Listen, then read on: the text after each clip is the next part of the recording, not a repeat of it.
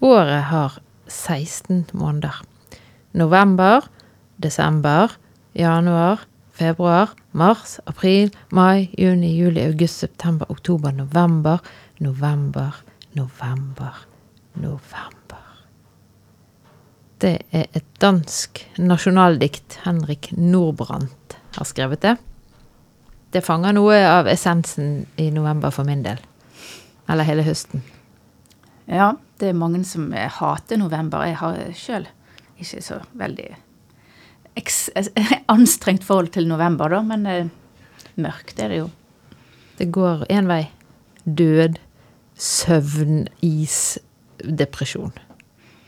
For den tungsindige, ja. Så finnes det lyspunkt i tilværelsen. Ja. Vi tenner tusen julelys og blad i blad. ja. Men det er, er litt sånn Jeg liker den tiden. Det er greit for deg. Får lov til det. Du får lov. Jeg gleder meg til mars, april, mai igjen når jeg skal begynne å leve. Slippe å fryse her oppe i dette kalde nord. Det er bare det at du må vente til mars er over og til halve april er over før det begynner å bli varmt. Ja, det Det er min erfaring. Det er en kort sesong. Så du Du kan gjerne like, like til- godt begynne å like Ja, november. men det fryser jo hele tiden. Ja, med klimaendringene så, så, så blir ikke det det så blir ikke i vår tid. Du hører på den litterære podkasten Det store i det små. Og vi er Kjersti Sandvik, journalist og forfatter. Og Grete Fatima Sayed, litteraturviter, forfatter og oversetter. Vi har fått støtte fra Litteraturhuset i Bergen, Bergen kommune. Kulturrådet og Fritt Ord. Hva, hva årstid tror du det finnes mest dikt om? Er det høsten?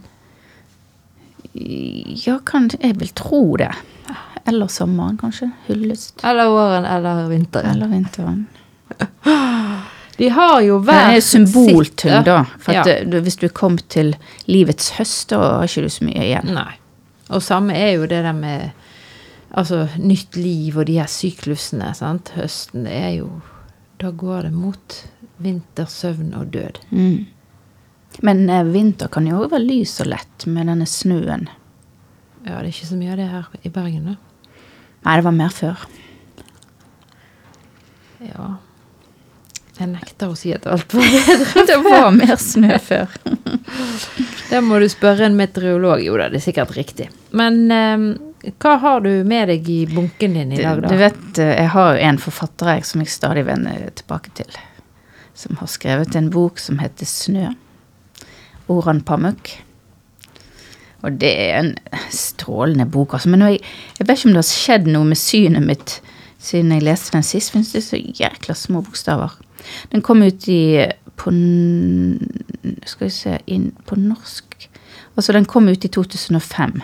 Som ble sikkert oversatt ganske raskt etterpå. Ja, for han lever ennå, sant? Ja da.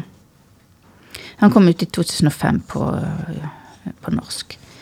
Og, og denne gangen altså Pamukkan skriver jo ofte lag på lag med historier.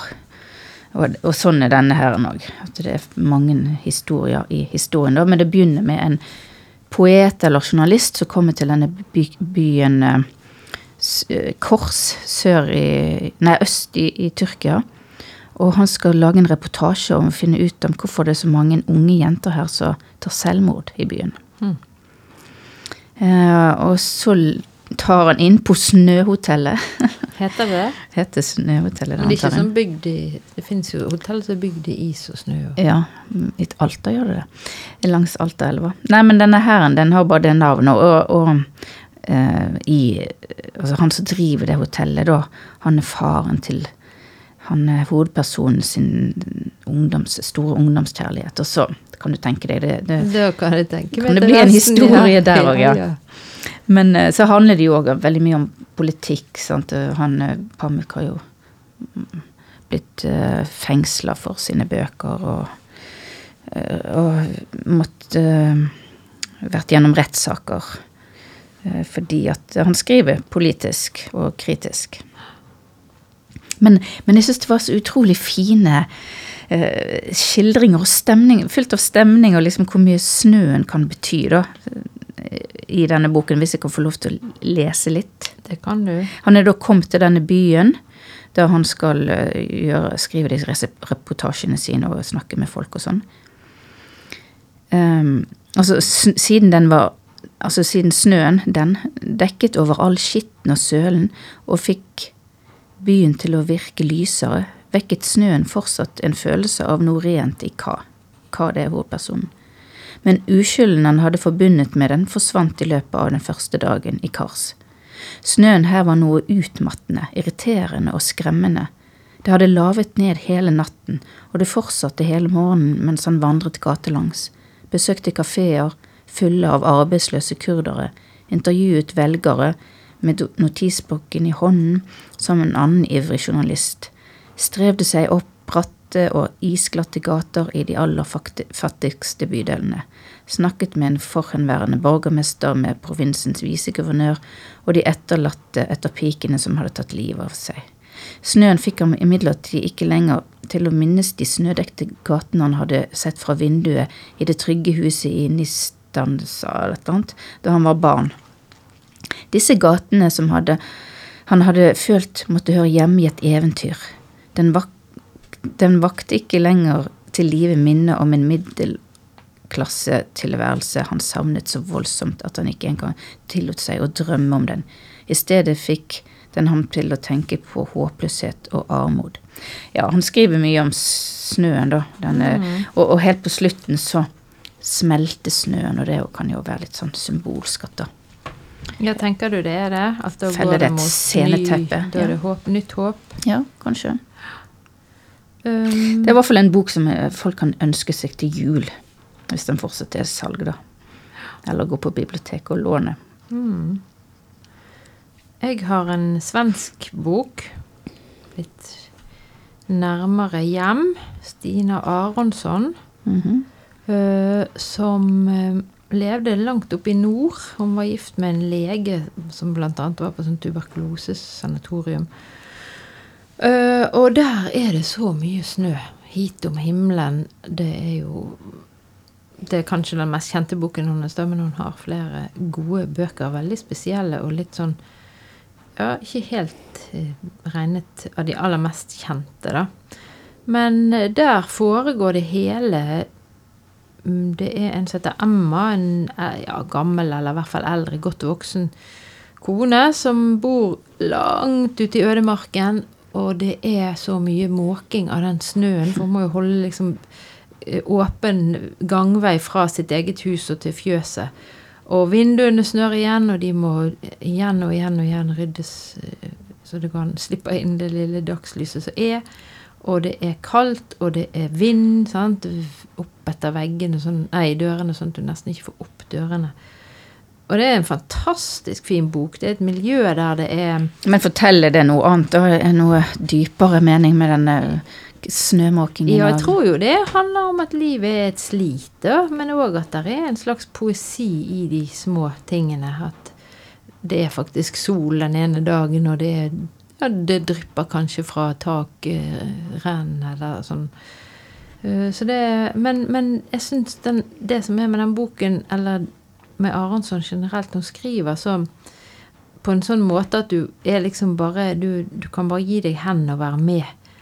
Jeg merker, jeg merker det så fort når det er noen som skriver på den måten, at Ja. dette er bare en forfatter som jeg stoler på. Du kan faktisk ta meg hvor som helst. Ja, sånn er han Pamuk for meg. Selv om det er bøker av han jeg er ikke så begeistra for. det. Altså. Men ja, gode fortellinger. Men Så det, dette handler om, rett og slett om personlig legning og smak og behag. For, for du har jo mer sånn Du liker jo mer handling enn meg. Jeg liker jo veldig godt det der eh, monotone Altså, der er jo handlinger, og det er veldig mye De gjør mye underlig. De eksempel driver og rører ut geitost og salt i koppen før de tar kaffe i. Og så er det mye sånne predikanter og nei, men jeg tror kanskje jeg er mer ute etter en stemning. eh, Og, altså at de, den må etableres. Så er jeg med på alt og Ja. Det følger jeg deg på. mm. Absolutt. Mer enn en handling. Men det jeg hater, er hvis det er forutsigbart. Da gidder jeg ikke å være med. Hvis jeg skjønner hva forfatteren vil med denne boken med en gang, så gidder jeg ikke. Nei, det er enig i. Hvis det er sånn Ja, type sånn det der som du sa med ungdomskjæresten sin sitt barndomshjem, eller hva det var. Men, men i tilfelle Aronsson er det jo veldig forutsigbart, for du skjønner at de skal gå på disse skiene i liksom hver, hvert kapittel. Men det blir ikke kjedelig. Ja, men det Ja. Han er absolutt ikke forutsigbar i det hele tatt. Nei, nei for det er òg noe når du får en mistanke, og så skjer det noe annet. Mm. Da kan jo du både bli skuffet, men du kan, også, du kan bli skuffet fordi din egen hypotese ikke Du var liksom ikke så flink som du trodde at du skulle gjennomskue hvor vi skulle hen. Men det kan, eh, ja, det kan slå litt begge veier. Tenker jeg, det der. Men eh, Aronsson, ja. Er, der er det forfall og altså Hun er jo Jeg tror hun har en eller annen slags sånn Hun har en eller annen tilstand, hun eh, hovedpersonen er Emma. Så hun har liksom Det er smerter, og det er slit, og det er Ja. Og så husker jeg også veldig godt at når jeg leste den boken, så var jeg på sommerferie i Normandie, og det var 32 grader, og vi lå på en sandstrand. Og det var det, det, virkelig, det virkelig kokte. Det var sånn at det var nesten så du ikke kunne gå ut. Og så tenkte jeg på at ja, ja, jeg vet jo hvordan det er å fryse, men de andre rundt her meg her, de har jo kanskje aldri De kunne ikke kjent igjen den Mm. beskrivelsen av eh, nordisk snø og kulde og denne viningen, Vine, vin. Mm. Torborg Nedreås skriver forresten et sted at du kan lukte på snøen når det begynner å gå mot vår. Mhm. At den lukter annerledes. Hmm. Jeg er ikke sikker jeg om det Konsistenten vil nok være annerledes, Ja, men og lyden òg. Mm. Men Nei, jeg vet ikke. Men jeg har et dikt her òg, jeg. Eller et prosadikt som er ganske kjent. Det er sikkert mange som har hørt det før. Det er av Tor Ulven. Og han skrev ganske mye om hvite ting, holdt jeg på å si. Altså det er noe med det reine. Eh, snøen, hvite ark, steiner, marmor f.eks. Med hvit skjelett. Eh, det der eh, litt kliniske, sterile, kalde Selvfølgelig når det kommer til snø, men, men det er òg liksom ingentingaktige, på en måte. Ubeskrevet. Jeg kan lese det selv om det er ganske kjent. Du har sikkert hørt det før, men det er veldig fint, da. Desember ettermiddag. Det snør lett, som om det var natt og vi sov, og snøen snødde uten oss, eller vi ikke fantes, og det fortsatte å snø for ingen, for det hvite i et øye før fødselen eller etter døden. Mm. Det er ganske fint. Før fødselen eller etter døden. Ja, for det, det er jo det med det der ubeskrevet nye. Hvorfor, hvorfor har ikke snø like godt blitt et, og vinter symbol på noe nytt, som at noe er på vei til å avslutte? Hvem har bestemt det? Nei, men det er jo, det er jo for kaldt at noe kan leve. Ja, det ligger nå noe liv under der, da. Ja. Og snøen som faller, den er jo ny. Og så gir den, smelter den og gir liv til Ja, og den er rein, og det er jo en positiv ting. Nå Mm. kom jeg på den der uh, The Dead av James Joyce. Jeg vet ikke om du kjenner den? Jo, for langt tilbake i tid, få høre. Nei, det er jo, det er jo den siste novellen i, i um, Dubliners. Og der er jo det en kvinne som er gift med en mann, men så møter hun igjen ungdomskjæresten. Eller om hun bare minnes han, det husker jeg ikke. Men der er det jo det der med snøen som faller, som òg er veldig fredelig. Mm.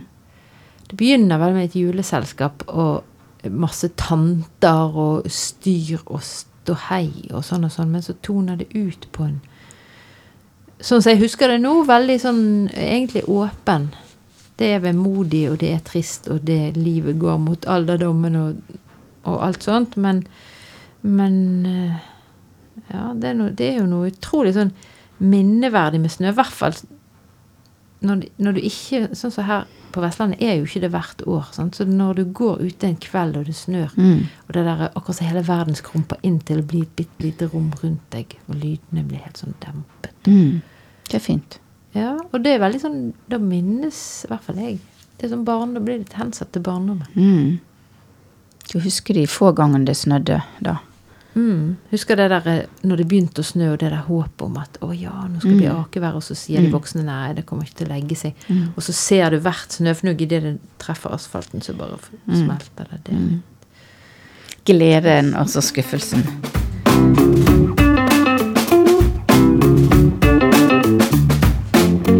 I dag kom høsten her. Plutselig skalv et oppbrudd over dagens hud. Alt var stille, sjøen sort. Men i sitrende ospetrær mumlet en usynlig gud. Gå bort. Alt er gjort. Alt er fullført. Alt er levd. Ingenting forsømt. Alle skapning bøyer seg mot sin skjebne ferdig vevd. Ingenting glemt. Men noe i meg vil bare somle, vil ro fjorden langs østre landet, hvor solen ennå stryker fingren gjennom lyng og starr. Og en hegre, grå og forstemt, speiler sitt tungsinn i vannet. Vil ro langsomt og stille, uendelig langsomt mot en lyttende kveld. Vil stryke over sand og steiner. Alt vil jeg stryke og la drikke av mine henders beger, fullt av farvel. Takk og farvel. Det var det altså Kolbein Falker som sa takk og farvel til høsten. Litt sånn nølende, eller mot, uh, motvillig. Litt vemodig. Denne, dette diktet her, jeg syns det er så mm, spekket med bilder. Som jo mye av hans dikt er. Den er fra eh, den første diktsamlingen som kom ut. Fra, og den het eh, 'Fra gjennom et glasskår' fra 1962. Så det var da inngangen på høsten og vinteren som årstid. Som er jo er dagens tema. Har du tenkt på det, Kjersti, at eh, kalenderen den, er jo bare en slags oppfinnelse som vi har laget for å få struktur på saker og ting. Få systematisert og delt opp eh, tiden. Og den kan jo gi struktur til dikt, og det gjør han. Veldig mange dikt bruker på en eller annen måte både kalenderen og klokkeslett og sånt. Blant annet så har jeg her Geir Gulliksen, som har en liten diktbok som er ett dikt. da. Det heter 'Ung trost klokken fem om morgenen i en brusende alm'. Et dikt fra januar til september. Uh, og um, sånne knagger kan vi jo trenge til å eh, henge livet på. I gamle dager så var det Primstaven, og jeg har også en diktbok her av Ingrid Nilsen. 'Hemmelig, men aldri som en tyv'. Det var hennes debutdiktsamling.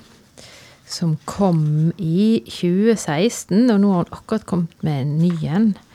Eh, Her er det brukt veldig mange av de gamle merkene. Lucia og eh, ja, Sankt Hans er, bruker vi jo enda, men flere av de er ikke så vanlige å, å forholde seg til. Eh, og ett dikt som jeg har litt lyst til å lese, som er høstdikt, det er Mikkelsmesse. Vet du når Mikkelsmesse var fra gammelt av? Det var 29. september. Faredag, står det i parentes her, og det går sånn. Hva er det nå som skal vokse? Eplene er brakt i hus, og skorsonnerrøttene, ennå svarte av jord, er lagt i kjelleren. I morges plukket vi de siste fem bjørnebærene, svarte de også, men glinsende. I kveld vil urter og gresskar fra hagen stå på bordet, lam skal skjæres opp, vinen vi skal drikke vil være fra naturen. Hva skal vi feire? Utenfor vokser kveldsmørket, ingen skal være ute i natt. Eller er det akkurat i natt vi skal dra ut for å se det levende mørket som nå vokser? I ovnen blir gresskarbitene søte. De vil minne oss om sommeren, sommeren som kom med myk jord. Men nå skal vinteren komme. Den vil komme. Snø vil falle over levende og døende. Er lett snø mulig? Jeg ser igjen på ikonet som viser Mikkel som en god dødsengel. Ikke vil han komme med trøst eller glemsel, men med radikalt ansikt og et enkelt spørsmål. Du vil svare med sikker stemme og lytte til ordene som kommer fra deg selv. Du har alt du trenger for i kveld. Verden og håpet om verden er allerede bak deg. Nå kan snøen bare falle. Kom, lette snø. Kom, tunge snø. Det der diktet var jo var veldig fint. Det var, var litt sånn thanksgiving-dikt. Det slår meg, det er utrolig teit at vi driver og har Eller vi har jo ikke thanksgiving, da, men Jo, de har begynt med det ganske mye i kirker og barnehager og sånn. ja. Men- Er det da de har halloween òg, kanskje? Nei, det er litt senere, men jeg Ja. syns jo barnehagene tar til seg alt de kan av Det var jo de som begynte med Lucia og navnedager fra Sverige. Fordi de trenger litt Mm. Men én ting er nå å ta Lucia fra Sverige, men å ta det der alt tullet fra USA. Ja, med. Black Friday og halloween. Ja, nei, sånn. det kan du ha. Men Mikkelsmessen kunne vi godt feiret med god mat og Ja, innomhus.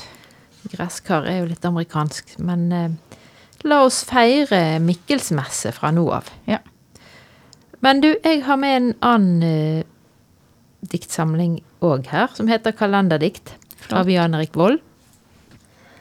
Eh, den er fra 1995, og det, den er noe litt sånn kjent Jan Erik Vold-blanding av litt noen pratsomme deler med politikk og noen gjendiktinger er her òg. Den er fint adskilt med De ulike delene er adskilt av timeglass. Og eh, her står det f.eks. at Jesus var en flyktning fra år null. Det er jo en eh, Flyktet fra himmelen. en slags kalender. Jeg tror kanskje han flyktet fra himmelen, for det var for fint oppi der. Jeg tenker jo det handler litt om Midtøsten da, og flyktninger. Og så har han eh, et dikt som heter 'Meditasjon i januar'. Eh, og det begynner f.eks. med 'Det snør og snør'. Noen har gitt oss en vinter til. Det er sånn typisk Jan Erik Vold å ha en blank linje mellom vinter og til. Ungene tar fram kjelke og snowboard. I korketrekkeren jubel og fryd. På banen opp sommer en brusende forventning. Fiskekjelker veltet, jeg husker det det. Alle fire triller vi rundt i snøen, ingen slo seg. I Sarajevo seks barn drept av en granat mens de akte. Hvem vil fred? Hvem vil krig? Hvem vil sitte på gjerdet? Norge hjelper fredsprosessen i Midtøsten, leser vi i alle aviser. Verden ser på oss. Sønnen legger en ensom rose på kisten. Det var Norge som gav Israel atombomben. Og så videre. Det er ganske sterke meldinger i De får sagt mye. mm, På en måte tilforlatelig, men den, det er jo noen kontraster. Eh, så har Men jeg den eh, Gulliksen, da, er det noen eh, hva tid, Hvor gammel, holdt jeg på å si, hva årgang var den? Den kom ut i 2014. Veldig mye om trær, da. Ja. Mm, Bjørketrær og det å leve sammen, barn, voksne.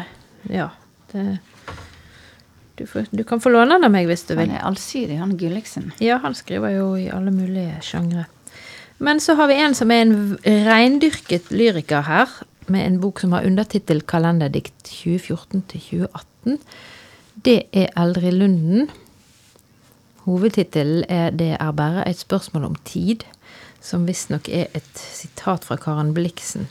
Og tid, det er jo viktig. Årstid og døgnets tid og alle tider. Eh, Lunden fylte jo 80 år for ikke så veldig lenge siden, og er jo en lyriker som virkelig er viktig på vårt parnass, da. Jeg tror at eh, det skal godt gjøres å ikke komme på hun når man skal eh, si hvem som er viktige lyrikere. Dette er en um, veldig reint, veldig uh, sparsommelig, nesten magert innimellom, om en som blir syk og dør, en kjær person. Så det er et Eh, langdikt, da? eller? Nei, det er noen eh, Det er delt opp i deler, og noen av de Når jeg sier magert, så er jo ikke det helt riktig, for noen av de er nesten sånn prosadiktaktige, mens andre mm, er helt eh, eh, skjøre og lette. Jeg kan lese disse her, og de er adskilt av en stjerne som man selvfølgelig ikke hører når jeg leser. Men jeg tenkte denne er en sånn bok så du kan nesten slå opp hvor som helst, og det er rett og slett veldig, veldig, veldig vakkert og bra. Her går det sånn. Tørt gras. Små, lette trykk i sanden. Spor av smerte vi skal finne. Vi finner dem ikke før etterpå. Barskogen syg lyset sitt fra den tunge blåfargen i skyene. På den andre sida av dalen er det fredelig, mjukt og grønt. Var ikke det fint? Mm. Hva Um, årstid var det? Jeg vet ikke hva årstid det var, men det er kalenderdikt, da. Ja, det heter det. Ja. Mm. Uh, men det er jo grønt, så det kan ikke være vinteren.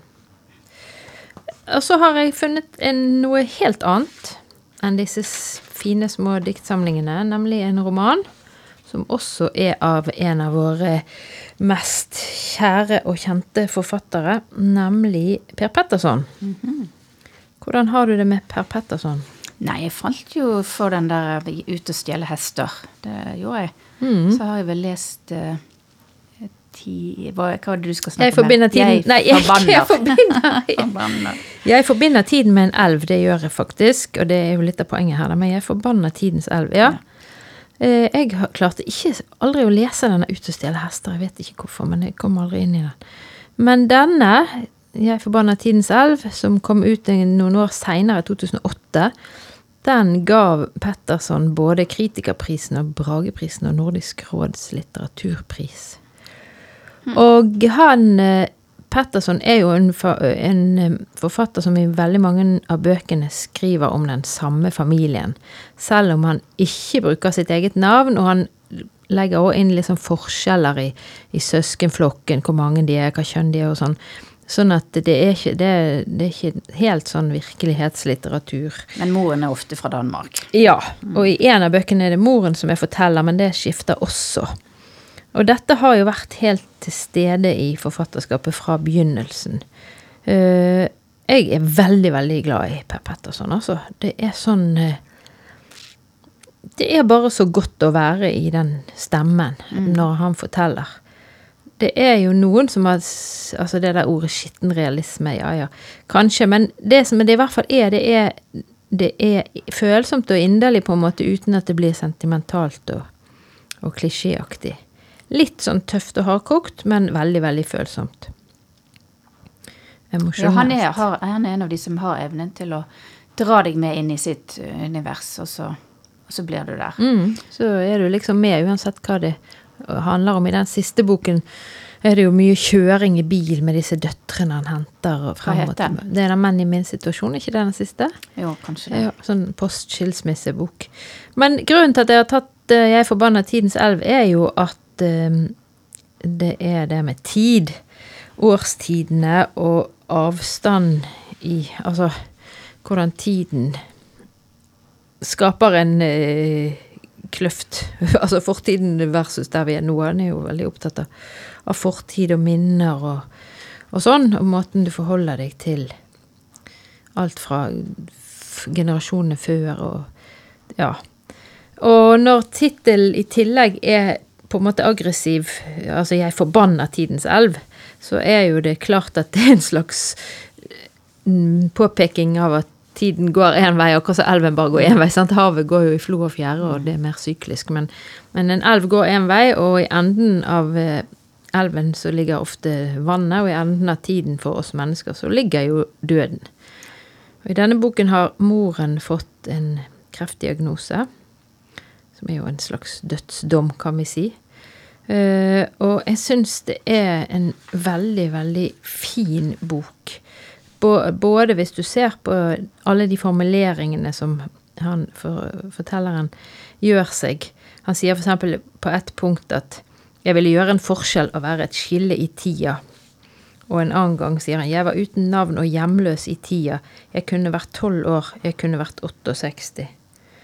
Eh, så han tematiserer det hele tiden, og så på et punkt så oppdager han at Berlinmuren har falt, og da sier han 'tida hadde gått bak ryggen min, og jeg hadde ikke vendt meg om'. Så det gjør det til noe sånn konkret. Akkurat så du kan snu deg og se tiden. Det kan du jo selvfølgelig ikke, da, men eh, jeg tenker at ja, tiden, det å fortelle, det å minnes, det å få kontakt med andre, og det å vite at du hele tiden skal dø, da. Altså, det er jo både et allment problem, vi skal, alle skal dø, og her er det moren som eh, Det er jo ikke lett å forholde seg til en kreftdiagnose. Og i mer metaforisk forstand så er ekteskapet hans død, da. Dødt. Mm, så det er Det er noe der som er, er veldig på en måte konkret om de her helt store temaene. Sant? Du, du har jo de her eh, memento mori, slagordet 'husk du skal dø', sant? er filosofien. Og, Og så kan vi vel koste på oss et siste sitat her. For det er jo noe som politikk inni også, og det er blant annet snakk om tanken om en menneskelig Mao. Og det ville være en som kjente tida herje med kroppen som jeg sjøl hadde kjent det mange ganger. Hvordan tida helt uforvarende kunne komme meg i kapp og plutselig fare omkring på undersida av huden som bitte små elektriske støt, og det var ikke mulig å stoppe dem, enda jeg så gjerne ville.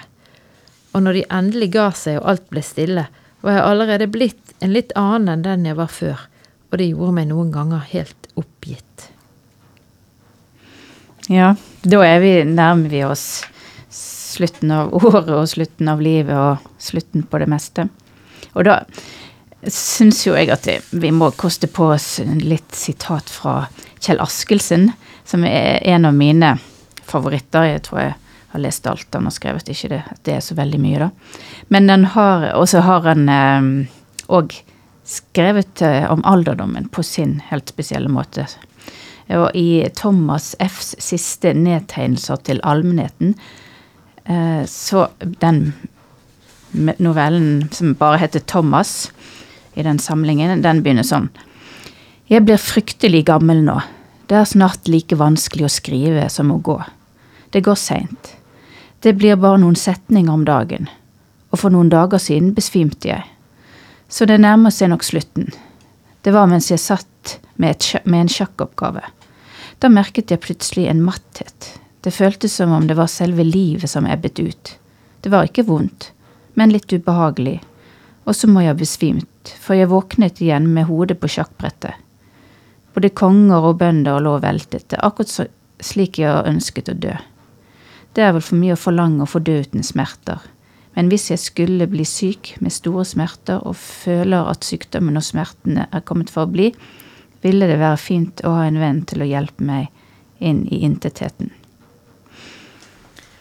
Det var trist. Det er trist, men, Åh, men, eh, men han skulle hatt eh, en annen Thomas for å balansere det opp, nemlig Dylan Thomas og den mer protesterende diktet 'Rage, Rage Against the Dying of the Light'. Men den går det an å finne på YouTube. Men det er bare det at han er ofte mye mer eh, morsom enn han var akkurat her, da. Altså, det ligger sånn eh, en veldig sånn i, i, I hans noveller så ligger det veldig ofte en, eh, en, en ironisk tone. Ja, jeg syns det var morsomt det der å for noen dager siden besvimte liksom ut av ingenting. Men det jeg syns var trist, var liksom hendelsen at han ønsker å bli hjulpet over. For jeg tenker at eh, Ja. meg må du fader meg dytte over. Ja, da kommer du litt over på den aktive dødshjelp og sånn, og den tar ikke vi her. Nei, det, Nei. Det, det er trist. Livets høst, den, eh, det kan heller få være litt fargesprakende og sånn september-oktober-ish. Ja. Men eh, hadde du en til? Nei, nå, akkurat nå, denne boken her, er- det er en stor bok av eh, As Kjell Askesens samlede noveller. Og så driver jeg og leser her og der, og så husker jeg noe, og så, og så finner jeg ikke igjen det jeg husker. Men altså, den kan virkelig anbefales. Jeg syns han har en flott forfatterskap. Han begynner jo å bli en meget gammel mann. Da, Han trekker på årene, ja. Du har nå hørt en episode av den litterære podkasten 'Det store i det små'. og hvis du likte det du hørte, så følg oss gjerne på Facebook og Instagram.